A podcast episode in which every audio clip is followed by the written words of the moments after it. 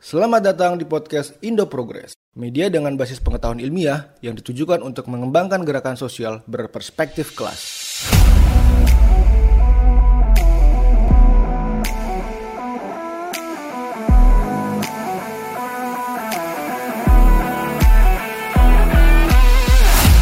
Selamat datang di Forum Indo Progress TV. Um, kali ini kita akan membicarakan tentang dana desa. Uh, dana desa diatur di dalam uh, Undang-Undang 6 tahun 2014 dan pengalokasiannya juga diatur di dalam sebuah peraturan regulasi tersendiri.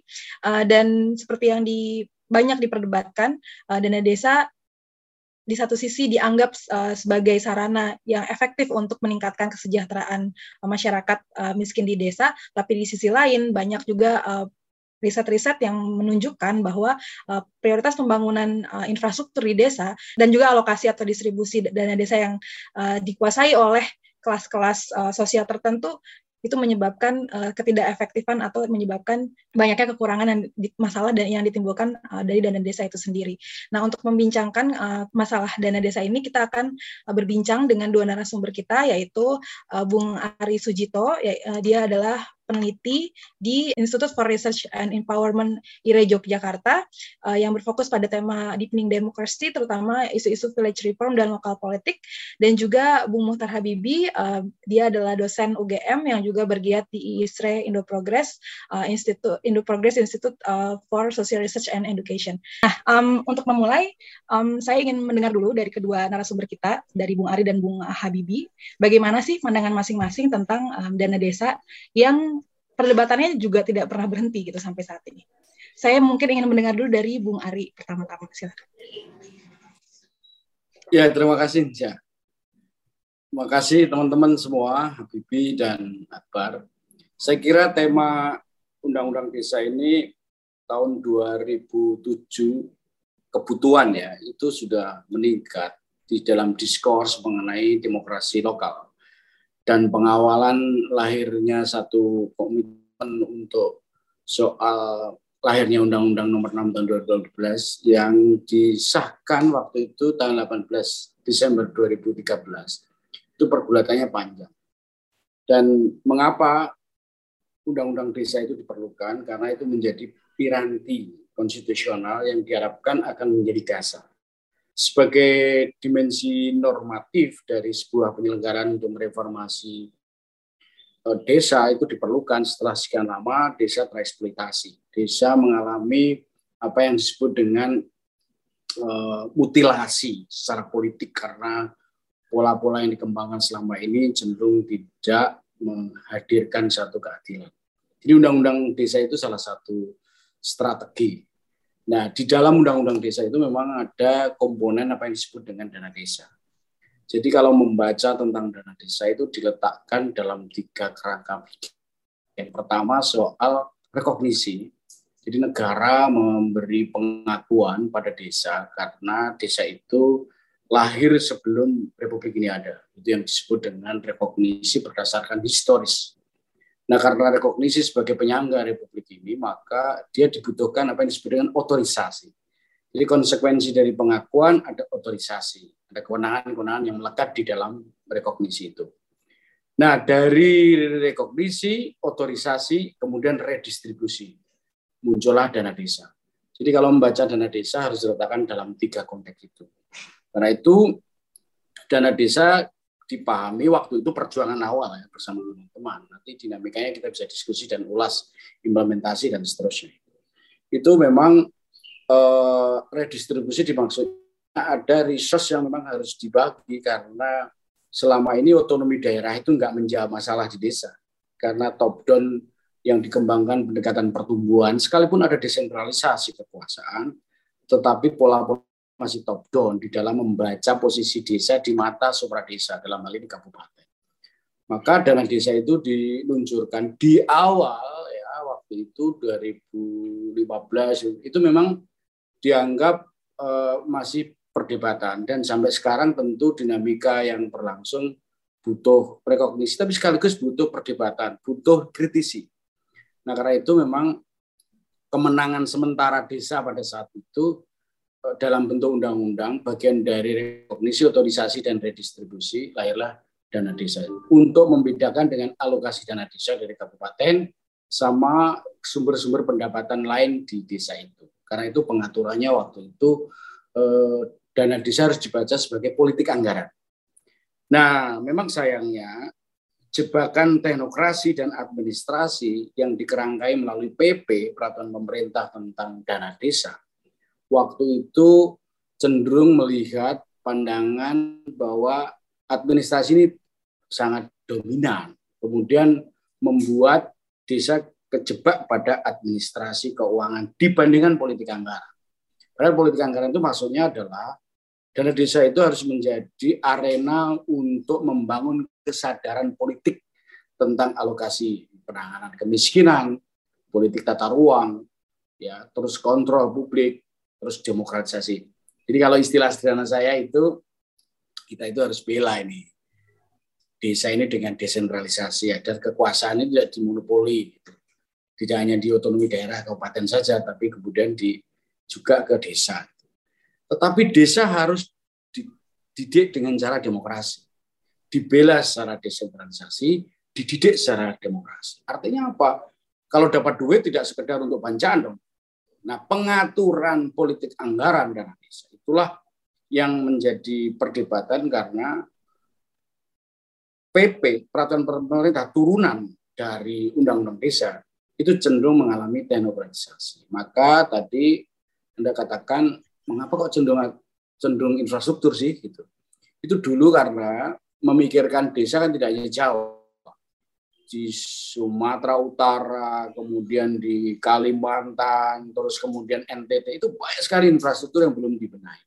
Maka itu awal-awal prioritas soal infrastruktur. Tetapi tidak semua infrastruktur itu salah, tetapi juga pada siang lain kalau memang nggak perlu infrastruktur ya jangan semuanya buat kapuro dong itu.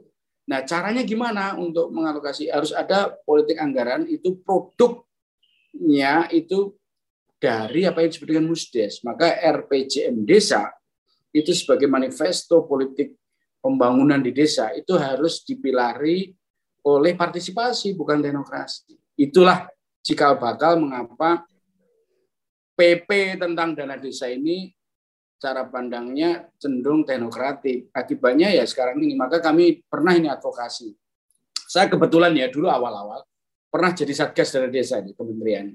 Yang tujuan saya adalah mengawal dan itu terjadi perdebatan di dalam. Saya bilang kalau melihat orang desa itu jangan dicurigai gitu.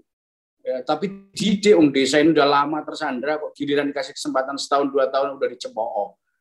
Bahwa di desa itu masih ada fakta mengenai oligarki. Ya, terus kemudian eh, patron klien, terus pencari rente. Itu banyak sekali, tetapi sekali lagi ini adalah setup awal yang memang harus kita bantu. Di situlah ada pendamping desa. Itu awal cikal bakal ya. kita berdebat. Ya, oke. Okay. Terima kasih Bung Ari. Um, selanjutnya nanti sebelum saya balik lagi ke Bung Ari ada beberapa pertanyaan juga. Um, saya ingin ke Bung Habibi dulu. Uh, gimana kalau Bung Habibi memandang uh, dana desa ini? Baik, terima kasih uh, Filza dan juga Mas Ari dan juga IPTV yang sudah mengundang saya. Uh, saya tadi Mas Ari sudah menyinggung soal ini ya sejarah dana desa termasuk uh, landasan normatifnya kira-kira. Nah, saya ingin memberikan cerita yang mungkin agak sedikit berbeda dari Mas Ari. Ya. Saya ingin melihatnya dari dana desa sebagai bagian dari intervensi sosial di pedesaan ya. Kalau kita amati dana desa ini tidak bukan suatu program yang baru kalau di Indonesia. Sebelumnya di tahun 98 sampai 2006 kalau tidak salah ada namanya program pembangunan kecamatan. Kemudian 2007 sampai 2014 atau 2013 ada namanya PNPM Mandiri Desa gitu. Yang itu kalau kita mau rangkum itu punya tiga karakter utama ya. Paling tidak ada beberapa leksikon kunci di situ, yaitu bagaimana intervensi pembangunan di pedesaan dilakukan. Yang pertama pentingnya, yang pertama-tama melihat komunitas desa itu sebagai komunitas yang cenderung homogen.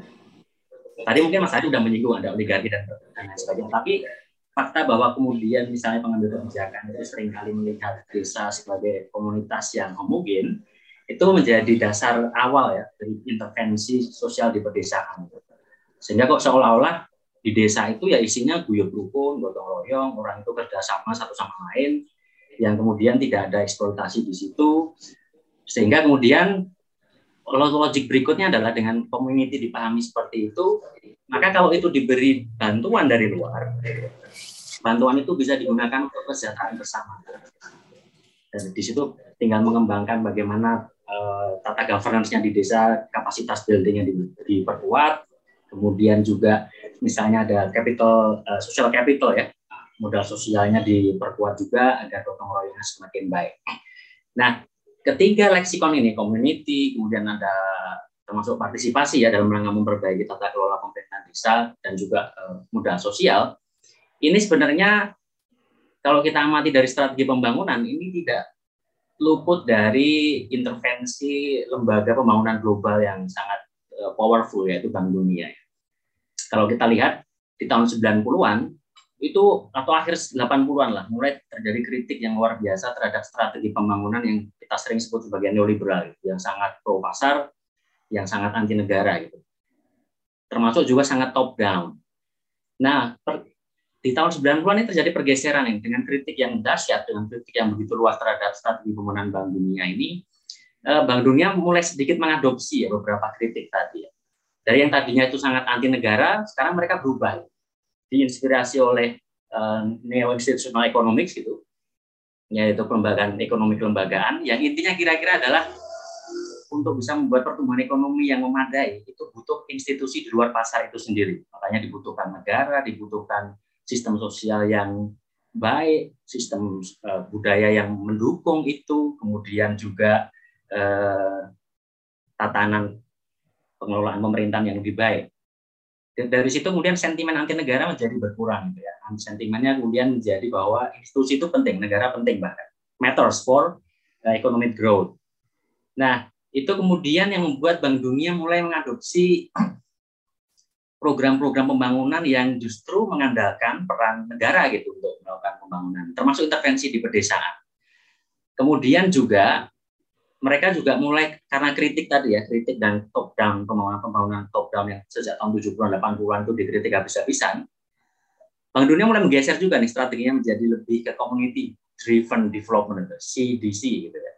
Yang itu memang kemudian menjadi semacam pembangunan yang lebih bottom up, partisipasi, kemudian eh, demokrasi di tingkat lokal, Nah, tapi kemudian nanti yang akan saya kritisi lebih lanjut adalah partisipasinya ini apakah partisipasi yang substantif atau hanya partisipasi yang formalitas itu ya. Ketika dalam apa demokrasi liberal seperti ini, apakah partisipasi yang formal itu memang punya dampak yang signifikan terhadap upaya perbaikan orang paling lemah di pedesaan misalnya. Ya, tapi ini yang diadopsi oleh Bank Dunia. Partisipasi menjadi leksikon yang penting sehingga di tahun 90-an itu. Kemudian Eh, tapi yang tidak berubah ya, satu hal yang tidak berubah dari Bank Dunia sejak tahun 80-an sampai 90-an adalah pendekatan mereka yang sangat teknokratik tadi, yang sangat anti politics. Eh, James Ferguson menyebutnya anti politics atau kemudian Tanya Lee menyebutnya teknikalisasi masalah. Jadi masalah di pedesaan itu seolah-olah dibayangkan kalau ada duit datang dengan komunitas yang dibayangkan itu bisa kerjasama satu lama sama satu sama lain dengan baik, maka mereka bisa makmur bersama, persoalannya tinggal ada nggak political will dari elit setempat untuk membuat kelembagaan yang mumpuni untuk memfasilitasi uh, perkembangan lokal tadi. Nah, sementara kalau bagi orang yang punya perspektif ekopol seperti Tanyali, Toby Carroll, Fedi Hadis, atau termasuk saya sendiri, saya akan meragukan ya asumsi-asumsi seperti itu karena kemudian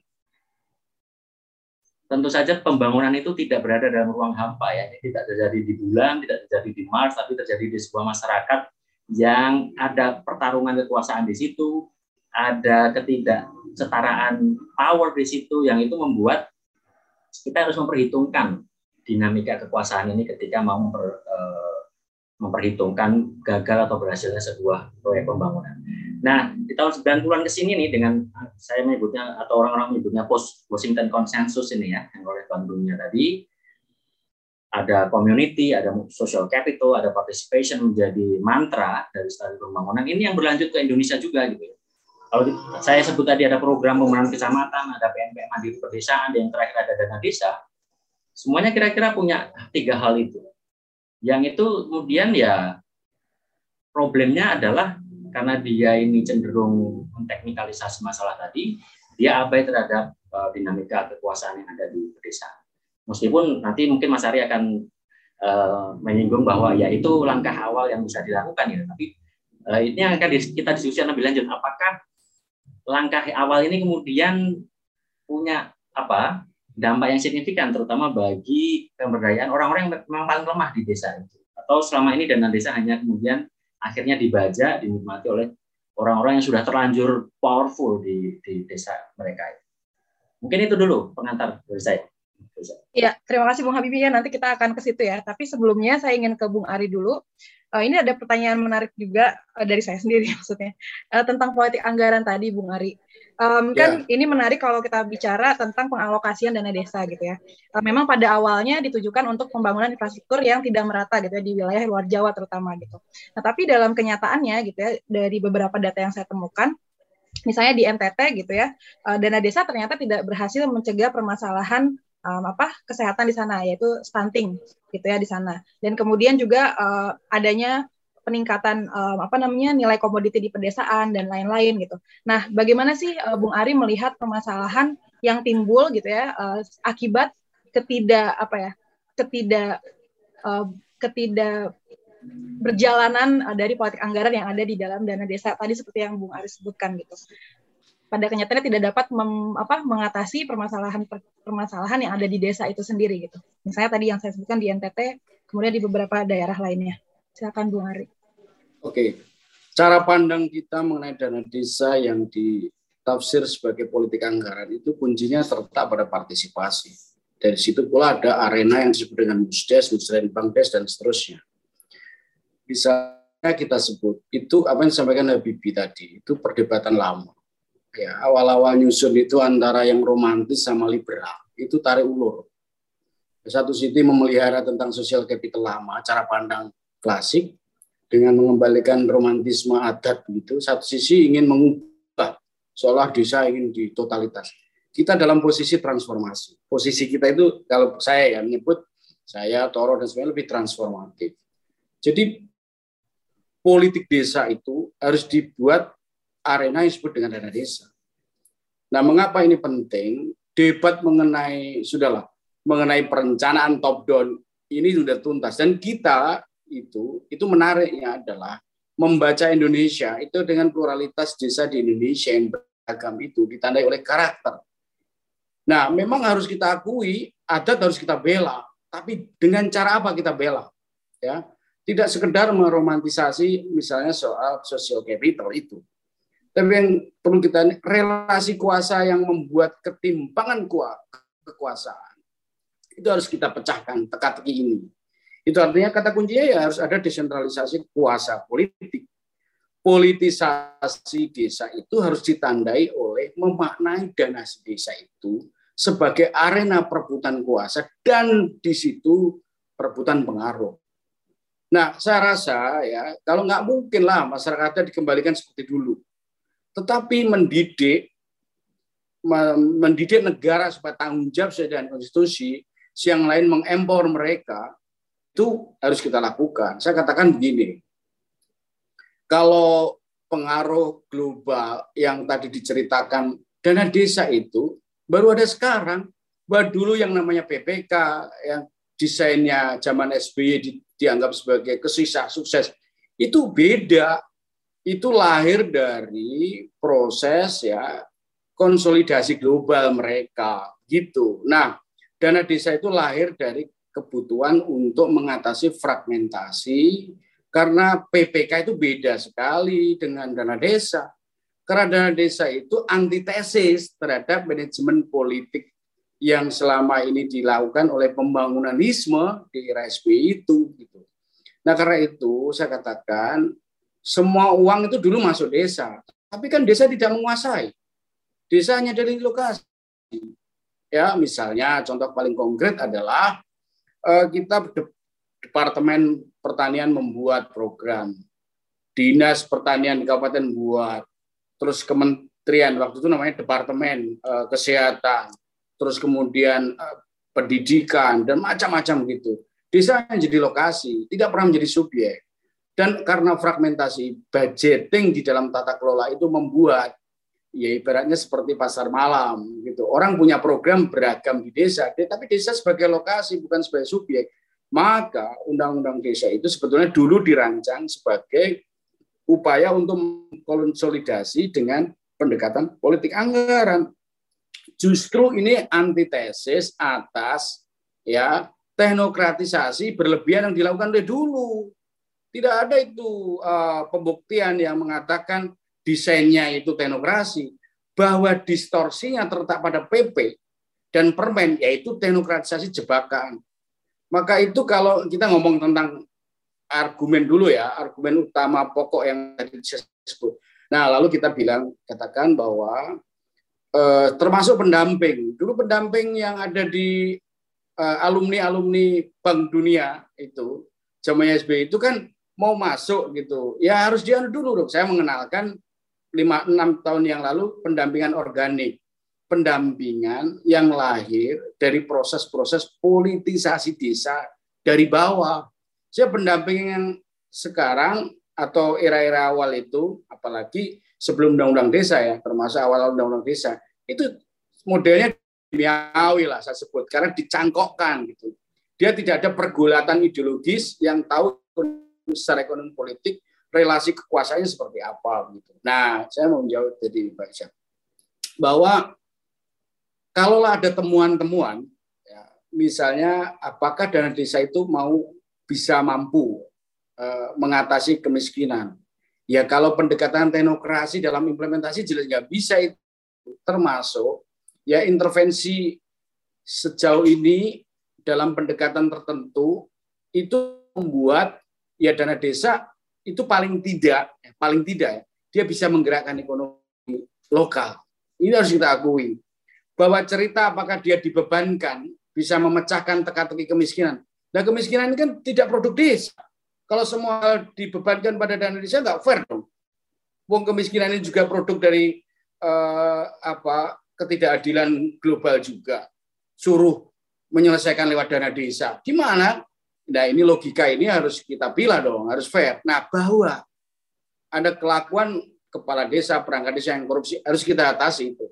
Caranya dengan apa? Bukan semata-mata lewat hukum. Harus ada politik desa karena itu di beberapa kasus ya itu cerita tentang transparansi.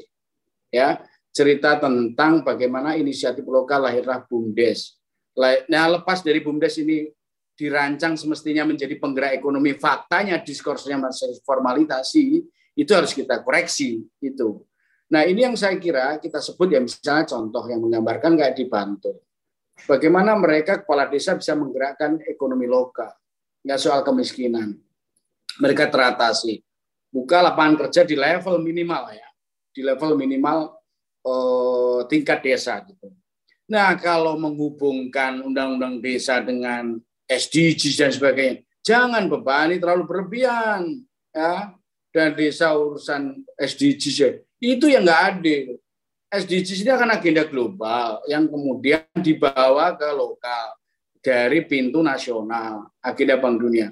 Ini sekaligus saya katakan, ya Mas Yudi, justru pendekatan dana desa yang terkonsolidasi itu counter terhadap apa yang disebut dengan PPK, terus PNPM dan sebagainya. PPK PNPM itu ibaratnya dia eh, bebannya itu sebetulnya gede ya dan manajemen proyeknya terlalu tinggi.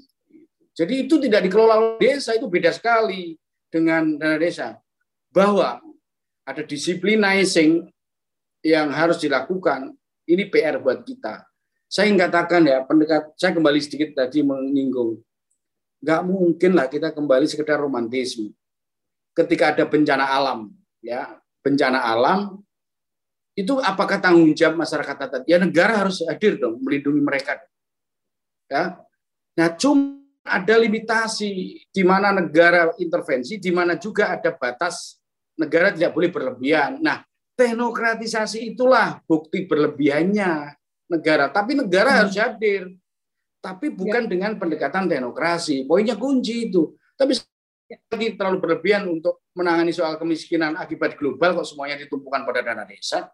Nah, tapi membuka lapangan kerja ya ini cukup. Kita lihat misalnya gini. menghidupkan ekonomi Iya. lokal udah mulai tumbuh nih. Tapi tiba-tiba ada impor. Impor itu polisi desa. Enggak. Hmm. Tapi ketika desa diajak untuk tumbuh berkembang, tiba-tiba ada impor. Nah, kementerian itu kan fragmentasi luar biasa. Contoh, antara menteri desa dengan menteri dalam negeri aja kan belum sinkron. Iya. Antara menteri Iya. pertanian sama menteri perdagangan nggak sinkron. Itu PR teknokrasi, jangan dibebankan pada desa. Gitu. Iya. Ya, sebetulnya memang eh, apa namanya undang-undang desa kan hanya bagian aja ya dari Yes. um, yang besar tadi gitu dan memang tidak bisa semuanya ke undang-undang desa gitu. Tapi bahwa terdapat 72 ribu dana de- apa desa yang mendapatkan dana desa ini kan juga jumlah yang besar dan um, apa namanya perlu diperbincangkan kan. Nah Yes, sebelum betul. ke, ke Bung Ari lagi, saya ingin ke Bung Habibie dulu nih. Tadi uh, ingin tanggapannya dari Bung Habibie kan um, sebenarnya kuncinya ada di partisipasi gitu ya. Nah sementara seperti yang kita tahu gitu ya partisipasi ini kan tidak bisa dilepaskan dari konteks dinamika kekuasaan yang ada di desa itu sendiri gitu. Nah, um, saya ingin uh, tanya ke Bung Habibie, uh, gimana sih wajah partisipasi di desa itu gitu, kaitannya dengan dinamika, dinamika kekuasaan yang ada di desa dan juga kaitannya dengan um, apa formasi formasi kekuasaan yang ada di desa gitu. Saya ingin ke Bung Habibie silakan Bung. Oke, eh, kebetulan ini saya dan kolega sedang menulis ya kita di sebuah desa di sebelah selatan Jawa Tengah lah kira-kira ya. Nanti kawan-kawan bisa ngecek argumen lebih lengkapnya di situ. Nah, di situ kita ingin berargumen ya bahwa demokrasi atau partisipasi yang sifatnya formal itu sama sekali tidak membantu bagi kalangan saya akan menyebutnya kelas pekerja ya di pedesaan untuk memperoleh bagian dana desa yang signifikan. Saya akan mulai dengan mengidentifikasi ya struktur kelas yang ada di pedesaan yang saya dan saya kolega-kolega saya teliti itu ya. Yang pertama-tama eh, kelas penguasa di desa itu adalah para saya akan menyebutnya petani kapitalis ya, petani majikan ya. Mereka ini punya tanah di objek yang saya teliti itu orang yang punya tanah di atas 0,6 hektar itu itu nggak pernah bekerja untuk orang lain ya dan dia selalu mempekerjakan buruh upahan di ladangnya di sawahnya. Kenapa demikian? Karena 0,6 hektar ini ternyata sudah luar biasa di desa ini karena desa ini produktivitasnya itu hampir dua kali lipat dari rata-rata nasional. Jadi kalau rata-rata nasional itu per hektar padi itu hanya menghasilkan 6 ton, desa ini itu menghasilkan bisa 9 sampai 12 ton per hektar. Dan dia juga bisa panen tiga kali setahun daripada yang rata-rata nasional hanya dua kali setahun. Nah, jadi hanya punya tanah segitu aja udah punya kemampuan ekonomi untuk mempekerjakan buruh upah dan dia tidak pernah bekerja untuk orang lain. Nah, ini yang saya sebut sebagai petani kapitalis. Dan mereka ini hanya ada empat keluarga ya terah ya, kalau bahasa Jawanya itu terah itu ya atau mungkin kalau bahasa Inggrisnya family blocks itu ada empat saja yang sangat berkuasa di situ yang sudah menguasai pertarungan kontestasi kepala desa hampir selama tiga dekade terakhir. Dan mereka basis kekuasaannya ya tadi kepemilikan lahan terutama sawah yang mereka miliki sejak nenek moyang mereka. Dan apa yang kemudian mereka lakukan ya otomatis ketika mereka punya tanah, punya kemampuan ekonomi, mereka ikut kontestasi kepala desa, mereka menguasai jabatan kepala desa, termasuk menguasai jabatan-jabatan kepala urusan ya kaur-kaur, juga termasuk sekretaris desa. Cara mereka kemudian men-set aturan tentang dana desa, yaitu otomatis akan tergantung pada mereka. Karena mereka misalnya bisa menentukan siapa ketua bumdesnya, siapa ketua BPD-nya, Badan Perwakilan Desanya. Yang itu dari penelitian saya yaitu orang-orang dekat. Bahkan ada ada hubungan darah dari orang apa si kepala desa itu gitu ya. Dan kemudian ketika mereka setelah menguasai BPD menguasai susunan bumdes nah mereka tinggal menyusun aturannya nih. Aturan ini kayak apa? Misalnya yang paling mencolok aturan bumdes terkait investasi ya. Uh, di situ ada aturan bahwa investasi itu bagi kepala desa itu boleh sampai 25 juta sekdes dan kaur-kaurnya mungkin sekitar 15 atau 10 juta. Sementara orang biasa yang di luar jabatan itu hanya 5 juta dengan eh, pembagian keuntungan sekitar 5 persen gitu ya. Nah, orang yang bisa berinvestasi di BUMDes yang 5 juta ini, pertama-tama itu hanya orang yang tadi, orang biasa ya. Orang yang tadi tidak punya jabatan sama sekali di kantor-kantor atau organisasi desa.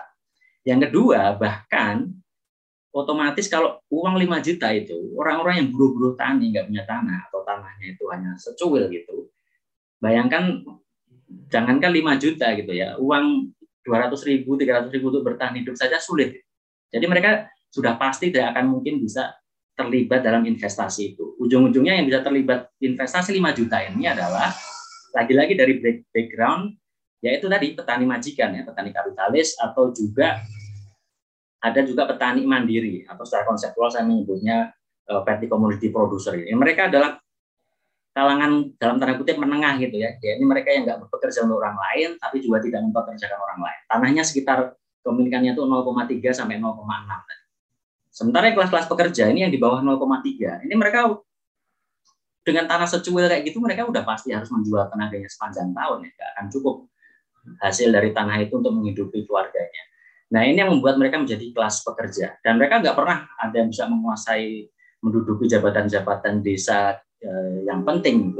Bahkan ketua RT, ketua RW itu pun dikuasai oleh tadi petani mandiri tadi ya PCP. Tidak ada yang eh, kelas pekerja mampu menjadi ketua RT atau ketua RW yang itu biasanya terlibat dalam pembahasan dana desa. Artinya kelas pekerja secara umum memang kemudian mereka ada ya, ada jatah dari interest group gitu ya, kelompok kepentingan orang miskin itu di, mewakili ada beberapa perwakilan untuk ikut musdes gitu, dalam pembahasan dana desa. Tetapi apa yang terjadi yang kita temukan beberapa orang bahkan semua yang terlibat yang di, di apa dijadikan perwakilan orang miskin di dana di, apa rembukan dana desa itu adalah orang-orang miskin yang ternyata punya hubungan patron klien dengan si kepala desanya ya termasuk tim suksesnya. Yang mereka ini backgroundnya tadi petani majikan gitu ya. Nah, orang-orang miskin ini adalah buruh-buruh tani yang bekerja secara reguler kepada para petani kapitalis ini. Yang itu dalam tanda kutip hubungan patronnya kelihatan ya. Kalau kamu ingin apa tetap bekerja kepadaku ya kira-kira kamu harus melakukan sesuatu untuk aku. Sebagai imbalannya nanti kalau misalnya kamu di dana desa bukan itu kamu diem-diem aja, manut-manut aja ya, nanti kamu akan tetap kerja ke aku. Dan itu diakui sendiri ya oleh para yang kita wawancarai apa buruh-buruh tani yang jadi perwakilan rembukan dana desa itu bahwa mereka ya datang ya ya hanya formalitas saja mas. Kita semua udah tahu ini sudah diatur oleh Pak X gitu ya kepala desanya itu kita hanya datang ke arena itu. Jadi partisipasi iya secara formal mereka terlibat dalam partisipasi itu bahwa orang miskin dilibatkan dalam rembuk desa. Kemudian juga BPD juga bekerja ya. Mereka juga dipilih oleh warga. Tapi lagi-lagi in the first place ya pertama-tama mereka bisa jadi BPD, mereka bisa jadi kepala desa ini kan kita semua udah tahu perlu duit gitu ya, perlu resources. Dan riset-riset politik udah banyak sekali menjelaskan bagaimana transaksi uang yang habis sampai miliaran untuk menjadi kepala desa atau jabatan-jabatan desa yang lebih rendah yang lain.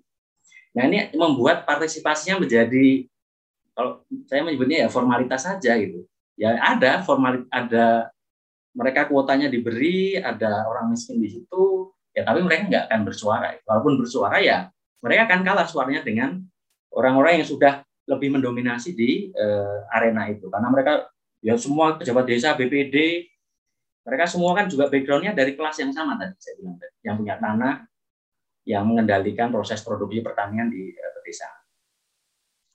Ya, nah ini menarik nih, uh, Bung Ari, uh, dengan dinamika kekuasaan seperti yang sudah dijelaskan oleh Bung Habibie tadi, terus bagaimana dong politik anggaran yang bottom up itu, yang tadi Bung Ari bilang itu uh, mungkin di, untuk dilakukan gitu, kalau dengan dinamika um, ke kekuasaan yang ada di desa seperti yang Bung Habibie tadi jelaskan.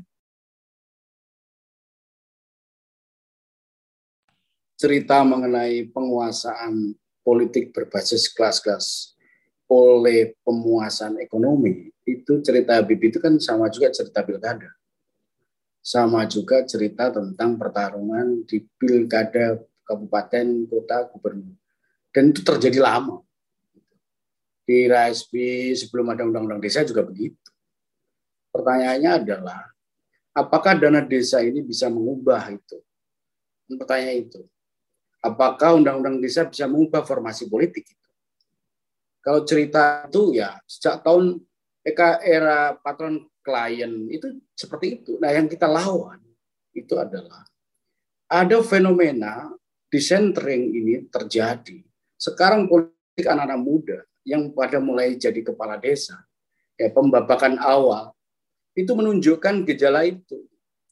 Coba ini di Bantul, ya. kemudian di Sleman itu mayoritas yang kemarin pertarungan itu bukan incumbent yang menang. Nah itu fenomena apa? Apakah fenomena presentasi sebagai sebuah saya tidak mengabaikan ada fenomena eh, apa kasus di mana penguasa iya itu yang harus dilawan. Tetapi kita tidak bisa nutup mata bahwa gerak ekonomi baru yang ditumbuhkan dana desa melalui politik anggaran ya bukan teknokratisasi loh ya. Itu melahirkan tumbuhnya anak-anak muda itu pada kembali ke desa untuk memberi bobot perhatian lagi bahwa ekonomi desa ini harus diselamatkan. Gerakan misalnya di NTT. NTT itu ada seorang kepala desa membuat gerakan apa disebut membangun partisipasi dengan apa yang mengolah lahan kritis. Lah, memang saya tidak kata, saya tidak mau menjustifikasi bahwa itu representasi tiap kasus enggak. Cerita Bibi tadi ya itu harus dilawan penguasaan resource. Tapi apa hubungannya soal dana desa? Apakah yang terjadi di di Bantul, apa yang terjadi di Sleman, maksudnya di Magelang kan itu, termasuk di Sle, di Malang, itu dinamikanya luar biasa. Ini saya ingin mengatakan seberapa besar uh, dana desa ini menjawab problem kemiskinan, persentasenya gitu ya. Ya agregat ya kalau kita hitung, kalau tumpuannya dana desa nggak mungkin menjawab beban kemiskinan 74.800 sekian desa di Indonesia. Tetapi fakta bahwa desa akibat dari dana ini, dia memberi ruang bagi dia untuk dalam tanda kutip berekspresi untuk mengkreat sesuatu.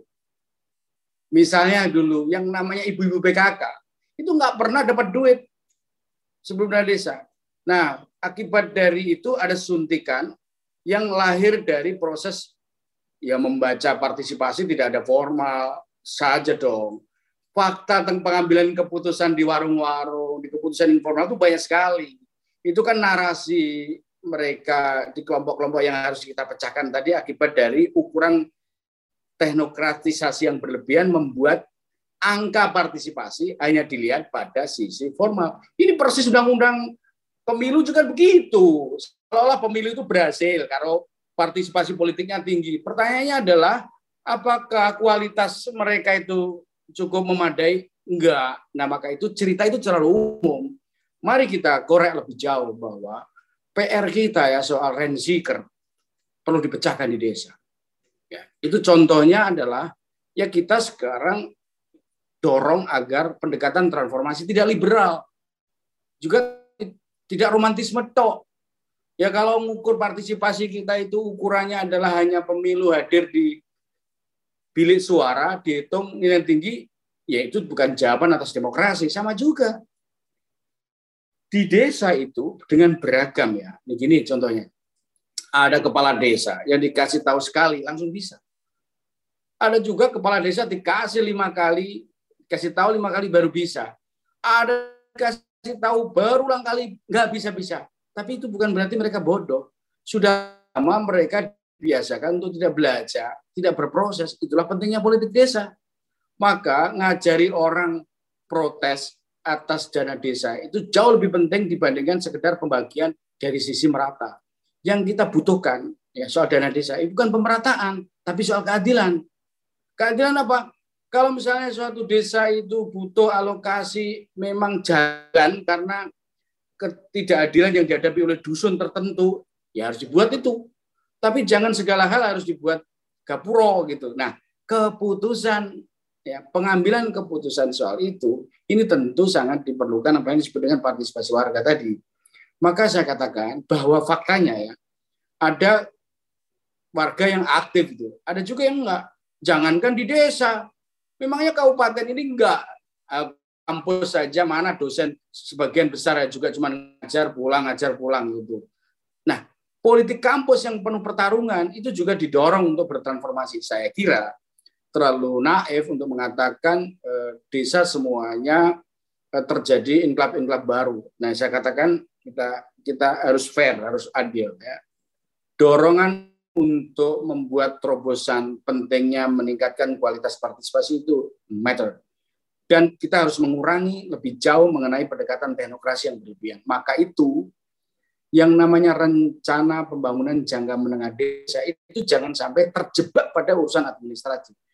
Tugas kabupaten itu sebetulnya mestinya dia itu mendorong memfasilitasi desa belajar bareng. Dan ini ada data menarik loh. Jangan menyepelekan desa ya. Banyak sekali sekolah anggaran yang dikerjakan oleh teman-teman CSO. Belajar mereka menyusun perencanaan, belajar mereka mengkritisi, memilah-milah, terus data-data ini yang tepat apa, membuat eh, data desa lebih kredibel. Ya ini soal data desa juga menarik kalau pendekatannya yang dipakai itu adalah dari atas penguasaan, tidak melihat realitas di bawah gitu, kita gagal memotret realitas sesungguhnya gitu. Saya katakan begini, PR terbesar yang harus kita pikirkan adalah mengubah paradigma, cara melihat, jangan romantis dan juga jangan terlalu liberal. Pendekatan transformatif itu adalah mendidik rakyat itu memaknai ulang tentang politik desa dengan memanfaatkan arena-arena terdekat yang ada di situ. Maka itu, maka itu ya. Kayak konsep misalnya, kalau ukurannya cuma bagi-bagi atas dana desa, ya itu namanya nggak berhasil. Yang paling penting itu dia berproses, mengikuti, tahu politiknya di sini, pengambilan keputusan sini. Sekarang ini kan orang tahu berapa sih sebenarnya dana desa yang diperoleh desa tertentu. Tinggal buka aja HP, cek di browser, eh di browsing ya. Kemudian di situ ada sumber. Nah, kita harus protes itu kalau terjadi ketidakadilan. Artinya informasi itu menjadi power baru dan orang desa jangan dianggap seperti sekedar seperti dulu bahwa sekarang masih terjadi gap. Ini PR kita. Gitu, Mbak. Ya, ini menarik ya tadi uh, pernyataan uh, Bung Ari.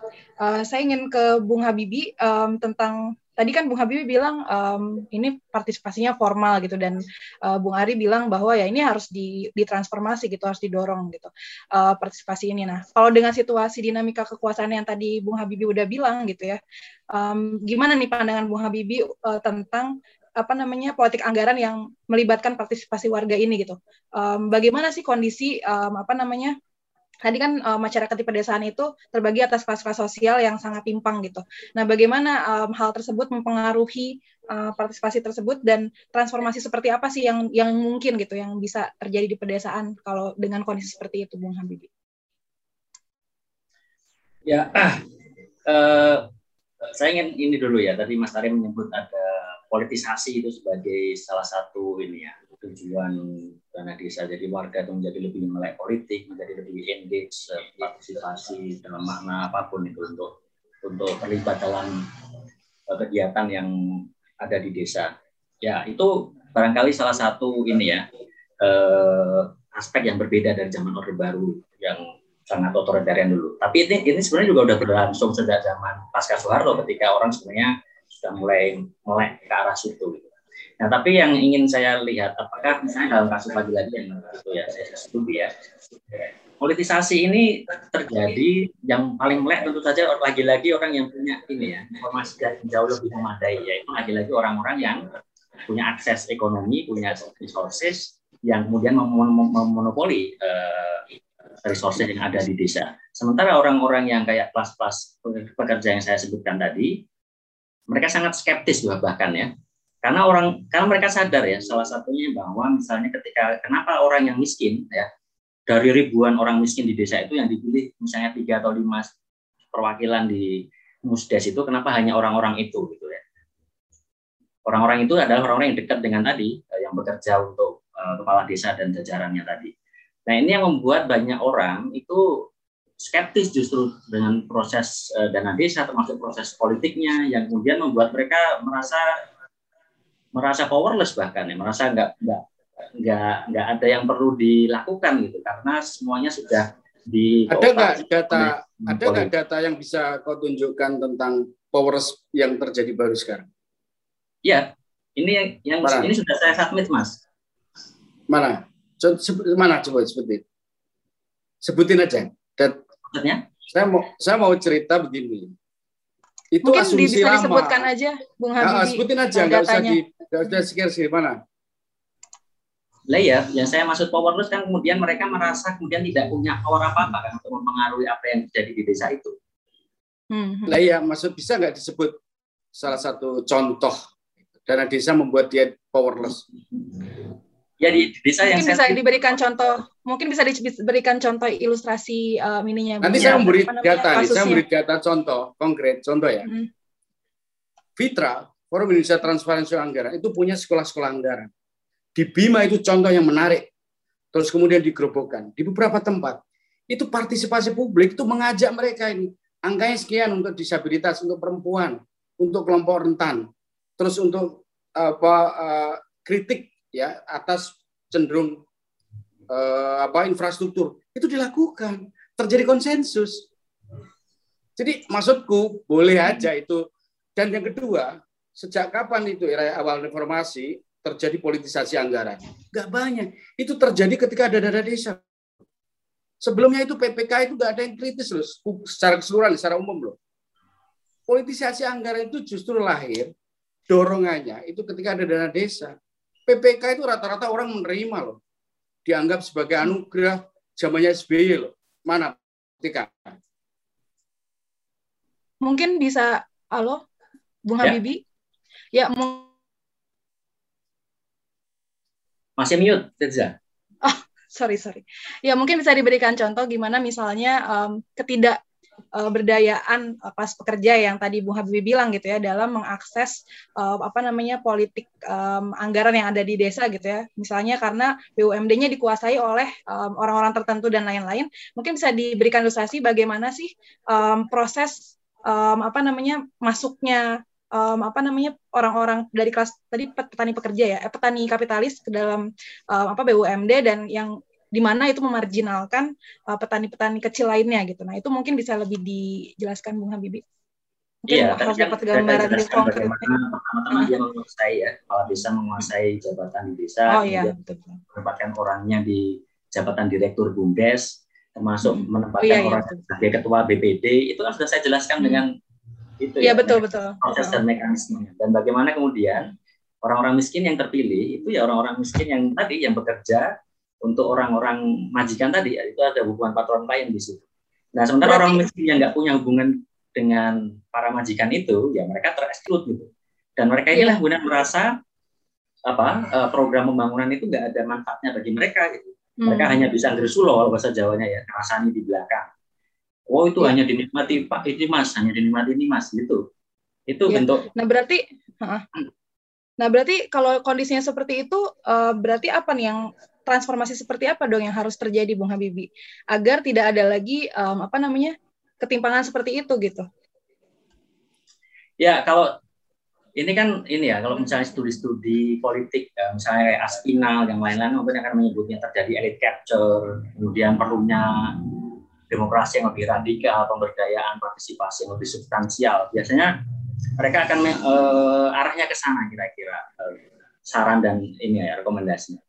Tapi bagi saya yang menggunakan pendekatan ekonomi politik akan mele- melewati itu ya saran-saran yang seperti itu karena uh, ilmuwan politik seperti Aspinal itu jarang sekali menyinggung basis dari kekuasaan orang-orang elit desa itu.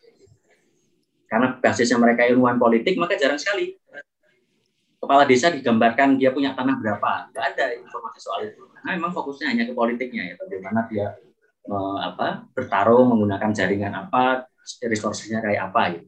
Tapi nggak dijelaskan ini kepala desa ini punya tanah berapa, apa aktivitasnya di pertanian yang memungkinkan pertama-tama dia kok dulu bisa menempati itu sumber sumber daya ekonomi macam apa yang dia punya. Nah kalau orang yang berangkat dari politikal ekonomi akan punya pandangan yang berbeda. nih. Kalau akar dari kekuasaan di desa itu adalah sumber-sumber ekonomi yang paling penting, salah satunya adalah kepemilikan tanah, maka kira-kira saya akan berargumen tanpa ada reorganisasi gitu ya, restrukturisasi kepemilikan lahan, tanah, termasuk pengorganisasian produksi pertanian di desa, ya program sosial apa pun, termasuk dana desa itu hanya akan menjadi dalam tanda kutip hadiah ya. Hadiah bagi kelas penguasa desa. Kenapa? Ya tadi mereka dengan penguasaan ekonomi yang menguasai jabatan politik mampu menciptakan aturan yang menguntungkan mereka termasuk aturan-aturan dana desa tadi yang itu meninggalkan sebagian besar orang tidak akan mendapatkan manfaat yang sangat, sangat signifikan sama sekali. Itu kira-kira saja. Dan apakah ada kaitannya dengan dana desa ini, Bung Habibie? Maksudnya apakah perubahan tersebut bisa dimungkinkan dengan kehadiran dana desa ini? ya kalau dana desa tadi logikanya memberikan dana gitu, meskipun Mas Arya berargumen ini bagian dari politisasi, tapi kan saya akan berargumen bahwa kalau politisasi sejak awal tidak punya mereka medan pertarungannya ini sudah sangat jomplang gitu ya antara yang punya tanah majikan menguasai dan dia bisa mempekerjakan buruh termasuk dia akan menjadi kliennya. Saya kok agak ini ya skeptis apakah politisasi itu hanya hanya akan mempolitisasi orang-orang yang sudah berkuasa aja sementara orang yang selama ini memang tidak punya power di desa itu malah justru makin apatis dengan apa yang terjadi di desa mereka. Nah, kalau menurut Bung Ari bagaimana? Apakah dana desa ini ya. mungkin gitu ya untuk digunakan untuk mengubah uh, misal tadi ya uh, soal ketimpangan kepemilikan lahan dan lain-lain gitu, mengubah ya. struktur itu apakah mungkin gitu ya. melalui ya. politik anggaran yang partisipatif tadi gitu? Ya kalau fokus kita soal transformasi desa, di pandangan Habibie tadi kan pandangan struktural Islam melihat bahwa kuasa politik itu hanya formal. Sekarang masyarakat itu punya pengetahuan, punya informasi. Nah, dana desa ini adalah menjawab bagian dari bagian ya, bukan secara keseluruhan ya. Argumen penting bukan uangnya, tapi proses pembentukan konsensus politik anggaran itu bagian dari pendidikan politik anggaran. Dan itu penting. Dan itu bukan ngomong kosong bahwa belum semua ya, Terutama saya tadi kan ada ngambil contoh kawasan Jawa Tengah Selatan. Saya ambil contoh ya beberapa praktek baik yang dilakukan oleh pendidikan politik isu mulai anggaran mekar yang kerjakan oleh Fitra terus teman-teman CSO yang lain. Itu isu-isu soal membawa mendorong isu kemiskinan isu ketidakberjayaan itu pada isu anggaran gitu. nah poinnya begini. Saya yang kita perlukan sebetulnya adalah debat antara ini dimensinya implementatif normatif oke okay? kemudian antara arena nasional kemudian arena lokal termasuk desa arena demokrasi arena politik anggaran saya bisa mengatakan bahwa dana desa ini meskipun tidak mampu menjawab secara keseluruhan tentang kesejahteraan paling tidak dia telah membawa dorongan orang untuk ngerti, oh dana desa tuh, oh prosesnya begini tuh. Jangan mengabaikan itu ada musdes itu. Nah justru elit-elit lokal ini yang harus diperangi gitu. Banyak sekali saya mau mengatakan gini, kepala desa anak-anak muda itu banyak sekarang. Anak-anak muda pinter gitu, jadi perangkat desa itu sekarang udah banyak. Tidak hanya sekedar milih jadi priai-priai di kampus, mereka pada di, di desa itu banyak sekali. Dan itu menjadi penanda penting gitu. Nah, saya memberi catatan serius nih soal ini. Kritik kita ini sebetulnya, kalau dianggap bahwa dana desa nggak berguna, saya kritik itu. Bahwa dana desa tak berguna, paling tidak, pertama, dia ingin menunjukkan bahwa ada pengakuan negara pada desa. Sekali lagi, membacanya bukan administrasi, rekognisi, otorisasi dan redistribusi. Terus perspektif kita itu pandangannya jangan pandangan strukturalis klasik yang hanya melihat power itu hanya bekerja pada ranah formal. Bukan hanya itu. Pengetahuan itu sistem informasi desa terdistribusi. Orang bisa mengkritik tentang lahan kritis yang dikuasai oleh sekelompok orang itu. Priai-priai desa itu tidak semata-mata ingat ya, tuan tanah dulu seperti dulu. Sekarang ini anak-anak muda yang punya inovasi teknologi dia bisa menjadi power baru loh. Ini post struktural. Nah kalau cara pandang melihat desanya seperti itu, ketinggalan zaman. Nah maksud saya, saya tidak mengabaikan yang harus kita atasi sekarang ini ada rent seeker sesungguhnya. Rent seeker, pencari rente, ya pencari rente urusan pangan, ya urusan teknologi, ya urusan sumber daya alam. Nah caranya gimana? Desa ini harus transparan, dikelola dengan teknologi.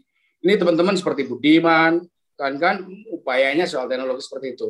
Ada sebuah ide juga. Uh, sebelum ya. ke situ, sebelum ke teknologi, saya mau tanya dulu ini menarik banget soal uh, tadi yang Bu Ari bilang ya bahwa sebenarnya itu dimungkinkan karena kekuat di apa kekuasaan itu tidak seperti yang kaku gitu ya. Nah saya ingin bertanya dulu ke Bung Ari, um, ada nggak sih dari risetnya Bung Ari gitu ya dana desa ini dipergunakan untuk mengatasi ketimpangan kelas yang tadi uh, Bung Habib bilang gitu misalnya ketimpangan penguasaan lahan gitu ke, atau ketimpangan ya penguasaan lahan yang paling paling masif ya di desa nah itu ada nggak dari risetnya Bung Ari uh, dana desa itu pernah dialokasikan untuk mengatasi itu gitu. Saya ingin tahu aja sih. Oke, jadi pertama kalau normatifnya dana desa ini kan sebenarnya penggerak ekonomi lokal dan tidak hanya dikuasai oleh negara-negara ini riset beberapa riset yang kami kerjakan itu menunjukkan bahwa sumber daya desa baru yang disebut dengan dana desa ini awal terus kemudian lima tahun ya sebelum ini muncul perpres dan pasca soal pasca soal infrastruktur itu dialokasikan misalnya misalnya untuk mendidik masyarakat misalnya pendidikan pemberdayaan yang digeser dari infrastruktur jadi menjadi dari infrastruktur menjadi aktivitas uh, non infrastruktur itu banyak sekali dan penguasaan lahan itu sudah mengalami perubahan luar biasa. Nah, yang disalahkan bukan dana desa soal ini. Ini soal pentingnya proteksi negara atas sumber daya desa. Sebetulnya harus diingat loh ya, aset desa itu dua tahun setelah undang-undang desa mestinya dikembalikan pada desa. Tapi kan ini tergantung juga komitmen komitmen negara supra dalam arti supra desa untuk melakukan perlindungan itu. Faktanya Mas, Mbak, itu anak-anak sekarang ini banyak sekali yang bukan lahir dari para priai loh. Yang jadi kemudian melakukan aktivitas-aktivitas baru menguasai dalam arti teknologi, kemudian berubah mereka menjadi punya pengaruh luar biasa. Bahwa cerita strukturalis lama mengenai itu ya itu harus kita akui dalam sejarah lama. Tapi sekarang ini pemilihan kepala desa yang baru ya misalnya yang kaya itu ya sumber daya yang gede seperti uh, suburban ya itu kita lihat habisnya miliaran itu kan nyontoh pilkada. Kalau apakah ini hubungannya dengan dana desa? Yang enggak dong nah saya beberapa kali nih soal inisiatif lokal di dalam pemanfaatan dana desa itu luar biasa bahwa Rensiker ini yang tadi saya katakan perlu diatasi, termasuk Kementerian Keuangan, Kementerian Desa, dan Kementerian Dalam Negeri. Ini harus punya cara pandang yang harus dibongkar. Misalnya singkatnya, Bu Ari, singkatnya berarti secara singkat gitu ya, berarti dalam enam tahun atau tujuh tahun dari pelaksanaan dana desa ini gitu ada nggak sih perubahan um, transformasi yang tadi Bung Ari bilang itu yang uh, apa misalnya mengatasi yang yang struktural ya misalnya mengatasi ketimpangan uh, penguasaan lahan dan lain di desa gitu. Sejauh ini ada nggak yang konkretnya gitu uh, apa perubahan itu gitu? Atau tetap aja Kalau, sama aja gitu strukturnya timpang terus gitu antara penguasaan lahannya antara kelas petani majikan sama kelas petani yang kecil itu gitu? Kalau menghubungkan dana desa dengan soal ketimpangan Pertanyaannya ketimpangan itu apakah apa itu sumbernya hanya di desa? Itu kan skema makro, ekonomi politik makro. Nah, nah tapi saya mau tanya, ada nggak gitu? Tapi, ada nggak pertanyaan saya gitu? Ada nggak uh, apa namanya ber, contoh gitu dari riset Bung Ari yang sebenarnya tadi upaya-upaya pendidikan yang dari dana desa dan lain-lain itu berhasil mengapa ya mengatasi ketimpangan tadi gitu, berhasil melampaui itu gitu? Ada nggak? Penasaran soalnya. Ya, kalau kuasa politik itu dipahami sebagai tidak hanya sekedar tanah, ya. formasi sosial desa akibat dari politisasi desa melalui undang-undang desa, salah satu soal dana desa, itu telah mengubah formasi itu. Dan seolah-olah hanya seperti dulu enggak juga. Bahwa saya setuju tadi ada Bibi ilustrasi masih ada penguasaan-penguasaan kepala desa, bukan kepala desa sebetulnya. Para juragan itu ada. Kayak misalnya nggak soal tembakau ya nggak mungkin lah kasus tembakau penguasaan berapa tempat di desa itu kemudian diserahkan pada soal dana desa dalam waktu lima tahun kemudian membalik. Ini nggak fair itu tetapi bahwa instrumen sebagai instrumen telah membekali mereka untuk tahu ter, perlunya kita mewujudkan keadilan. Ya itu terjadi. Ya beberapa kasus yang kami gambarkan terjadi pergeseran formasi sosial. Iya. Tetapi bahwa bahwa pemerintah dalam hal ini kementerian harus mereform regulasinya supaya beban yang dialami oleh desa bisa dipecahkan sebagian desa, tapi sebagian yang lain harus dibutuh intervensi-intervensi yang lain yang terutama ya, yang membuat ketergantungan itu tidak semakin tinggi. Contohnya tadi soal pangan, ya soal apa eh, reforma agraria reforma agraria itu tugas siapa? Itu tugas negara. Nah, bongkar itu perspektifnya negara kan untuk mendorong keadilan agraria.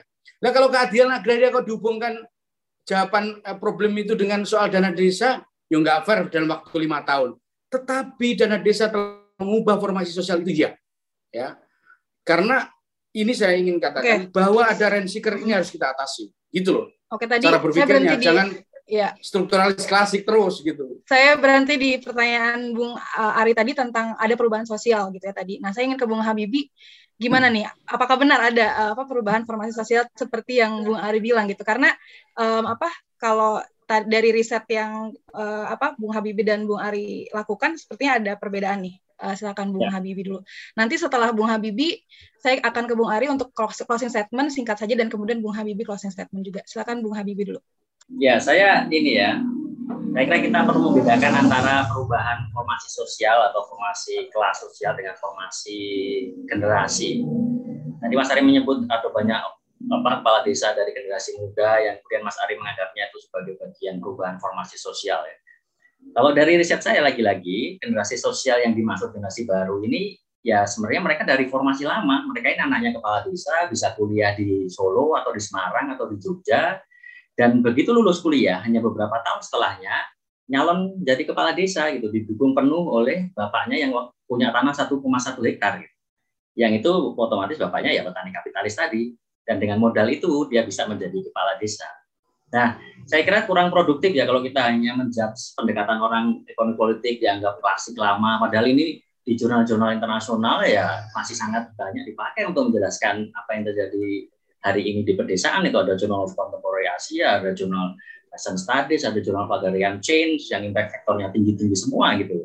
Kalau itu dianggap tidak laku lagi di mana gitu? Kalau di, karena di tingkat global itu sudah masih sangat Bukan biasa. itu asum, kan? asumsi mudesa sebentar, itu seperti sebentar. dulu. Asumsi ya, sebentar, mudesa sebentar. itu Bu, menggunakan Bung Habibie selesaikan dulu mungkin ya. Nanti kan Bung Ari ada gilirannya. Bung Habibie dulu.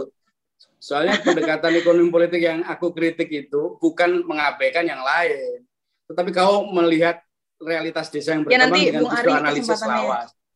Gitu. Nah, ya, gitu kan. Habib dulu selesaikan baru ya. nanti Bung Ari lagi ya. Soal analisis lawas ya. Sekarang kita lihat saja apakah di jurnal-jurnal yang saya sebut tadi nggak ada itu pendekatan ekopol yang saya gunakan gitu ya. Ya itu jelas-jelas dengan mudah kawan-kawan bisa temukan sendiri ya untuk menilai apakah pendekatan yang saya gunakan ini pendekatan lama gitu atau memang ini pendekatan kontemporer saja yang kebetulan hanya karena Bung Ari nggak setuju kemudian memberi labelnya sebagai pendekatan lama yang saya kira tidak produktif ya untuk perdebatan ini karena hanya ya, memberi baru atau lama gitu. Jadi bagi saya formasi sosialnya tidak ada yang berubah. Yang berubah ya generasinya berubah. Orang-orang lebih muda, tapi itu lagi-lagi dari keluarga, dari family, dari orang-orang yang sudah berkuasa di situ anak-anak muda yang bisa kuliah kembali ke sana jadi kepala hmm. desa, jadi sekretaris desa, jadi kaur. Karena kalau orang yang nggak punya ya nggak mungkin bisa kuliah ke Jogja, ke Solo atau Semarang gitu. Iya, berarti formasi kelasnya tetap sama ya, Bung Habibi? Iya. Ya. Nah, uh, untuk pertanyaan terakhir untuk kedua uh, narasumber, uh, saya ingin tanya, uh, terus kalau begitu, um, kalau misalnya jawabannya tidak berhenti di dana desa, apa dong um, hal yang atau ya hal yang bisa mendorong perubahan uh, sosial di desa gitu. Mungkin singkat saja ya karena waktunya sudah mau habis dari Bung Ari dulu nanti baru ke Bung Habibi. Silahkan closing statement. Jadi gini, variasi pendekatan ekonomi politik, ya. Pandangan-pandangan ekonomi itu banyak variasi, bahkan dari generasi. Itu bukan berarti kau sebut kita bukan pendekatan ekonomi politik, tetapi formasi yang kau bayangkan itu dia formasi dulu.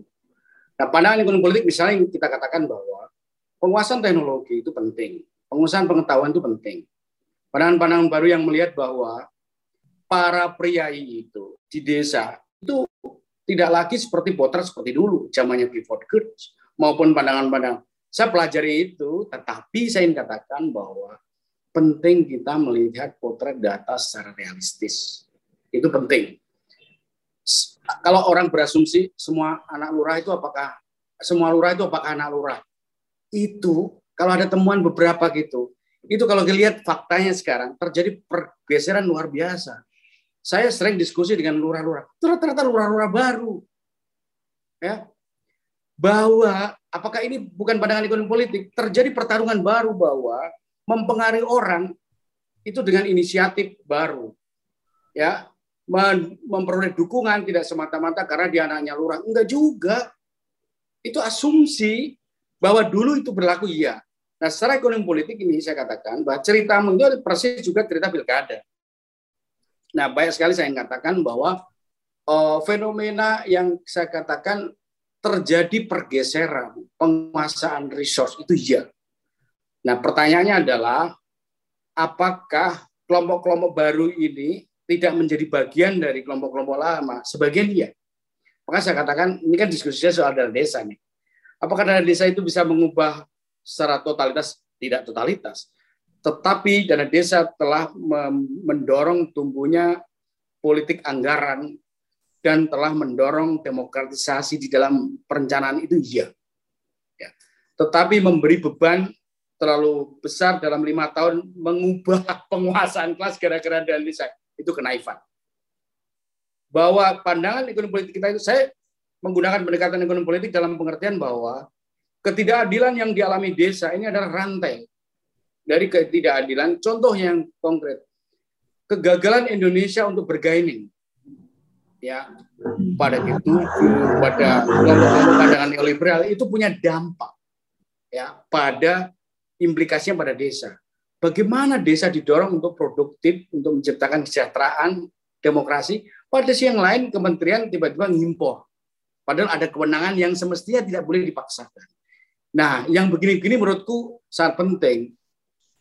Bukan berarti ini tidak ekonomi politik, ini ekonomi politik. Cara membaca ekonomi politik itu kan beragam. Dan perspektifnya ada gradasi, tidak hitam putih. Teknologi itu itu penting untuk mendorong demokratisasi. Tapi pertanyaan dalam ini pasti ditanya, ini apakah teknologi akan mengubah kelas? Gimana kita melihat dalam pandangan kelas? Teknologi itu akan menjadi alat yang dulu dia, nah ini berproses terjadi artikulasi dan deartikulasi. Nah, tantangan kita menurut saya adalah reformasi di level kementerian untuk melihat cara pandang ini. Tapi sekali lagi, kalau desa diberi beban terlalu berlebihan untuk mengubah ketimpangan kelas, itu terlalu naif. Bahwa Oke. ada anak-anak muda, anak-anak muda, ya mulai banyak inisiatif, tertantang, membuat kreatif, itu adalah fakta. Dorongan demokratisasi membuat desa sekarang mulai tahu, mulai nyata, mulai ngerti tentang ini anggaran untuk siapa, resource ini milik siapa, udah mulai tahu. Dan salah satu kata kuncinya adalah bagaimana membuat rakyat ini terdidik secara politik agar mereka tahu juga anggaran. Dana desa harus dipahami, jangan sampai terjebak pada administrasi keuangan, tapi harus menjadi politik anggaran. Oke, terima kasih Bung Ari. Um, silakan Bung Habibi, uh, tadi terkait masih pertanyaan yang sama dan juga sekaligus closing statement karena keterbatasan waktu jadi dimohon singkat juga ya. Terima kasih. Oke ya. Uh, jadi saya akan mulai dengan bahwa tentu saja saya nggak akan bertanya apakah dana desa bisa me mengubah transformasi kelas di pedesaan atau tidak karena jawaban saya jawabannya sudah jelas bagi saya itu tidak gitu ya.